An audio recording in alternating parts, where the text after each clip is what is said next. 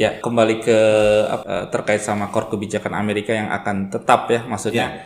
karena tadi yang Ustadz bilang bahwasanya ini udah ya sudah punya institusi lah ya, hmm, hmm, hmm. institusi secara uh, apa menjalankan kebijakan pemerintahnya. Nah, berarti uh, Biden ketika menjabat sebagai uh, presiden Amerika Serikat pun sikap uh, mau dalam negeri atau misalkan dalam luar negeri hmm. sebenarnya secara fundamental akan tetap mungkin tapi rasanya saja mungkin yang berbeda ya. ya. Betul, artinya uh, yang ingin juga saya kemukakan yang paling uh, pokok itu justru banyak yang tidak diketahui oleh uh, publik ya kalau masyarakat kalau menurut saya terutama mungkin dalam kepentingan ini adalah uh, kaum muslimin bahwa uh, Amerika itu adalah negara yang ideologis gitu ya Artinya kalau dia negara ideologis di dunia ini sebenarnya hanya ada tiga ideologi sebenarnya hmm. ya kapitalisme ya yang sekuler kemudian yang kedua adalah e, komunisme yang materialisme begitu kan termasuk di dalamnya sosialis dan Islam begitu. Nah hmm. negara seperti Amerika ini itu adalah negara yang dikenal sebagai negara yang e, ideologis. Artinya apa? Negara ideologis itu pasti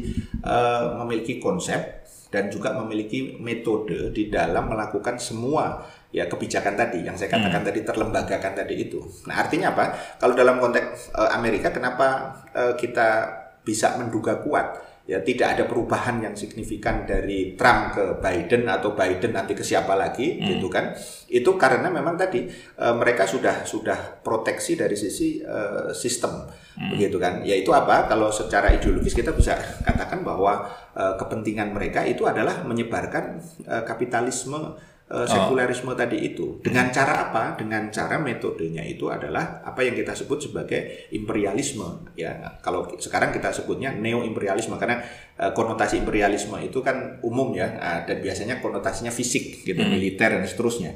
Nah, Amerika melakukan itu dua-duanya ya, yang gaya lama uh, militer hmm. ya, dengan kemudian yang baru dengan berbagai dominasi uh, melalui kekuatan-kekuatan uh, yang dia miliki uh, baik dari sisi ekonomi ya pendidikan hmm. gitu ya pemerintahan dan dan seterusnya gitu artinya apa ya betul memang yang yang uh, apa namanya terjadi itu sebenarnya hanya hanya perubahan di tingkat elit saja jadi hmm. kalau dalam bahasa ini ya, hanya sirkulasi elit ya dari si Trump tadi ke si Biden tadi itu dengan platform ya, yang sama. dengan platform yang sama sebenarnya. Kalaupun ada tadi itu apa gaya yang berbeda ya itu memang ciri khas masing-masing. Misalnya contoh tadi itu kalau kalau apa namanya uh, Trump itu ingin uh, uh, make uh, apa namanya uh, Amerika, Amerika great, again. again. gitu kan misalnya gitu. Ini sebenarnya kan uh, si siapa namanya uh, siapa namanya? Uh, Biden kan juga uh, sama. Dia sebenarnya intinya uh, apa ingin mengembalikan apa yang disebut kalau dalam bahasa dia itu jiwa ya. Hmm. jiwa daripada uh, Amerika gitu. Jadi kalau bahasa dia di pidato kemenangan kemarin yang victory uh, speech-nya itu kan dia bilang uh, to restore the soul of America. Gitu kan kira-kira kan keren itu.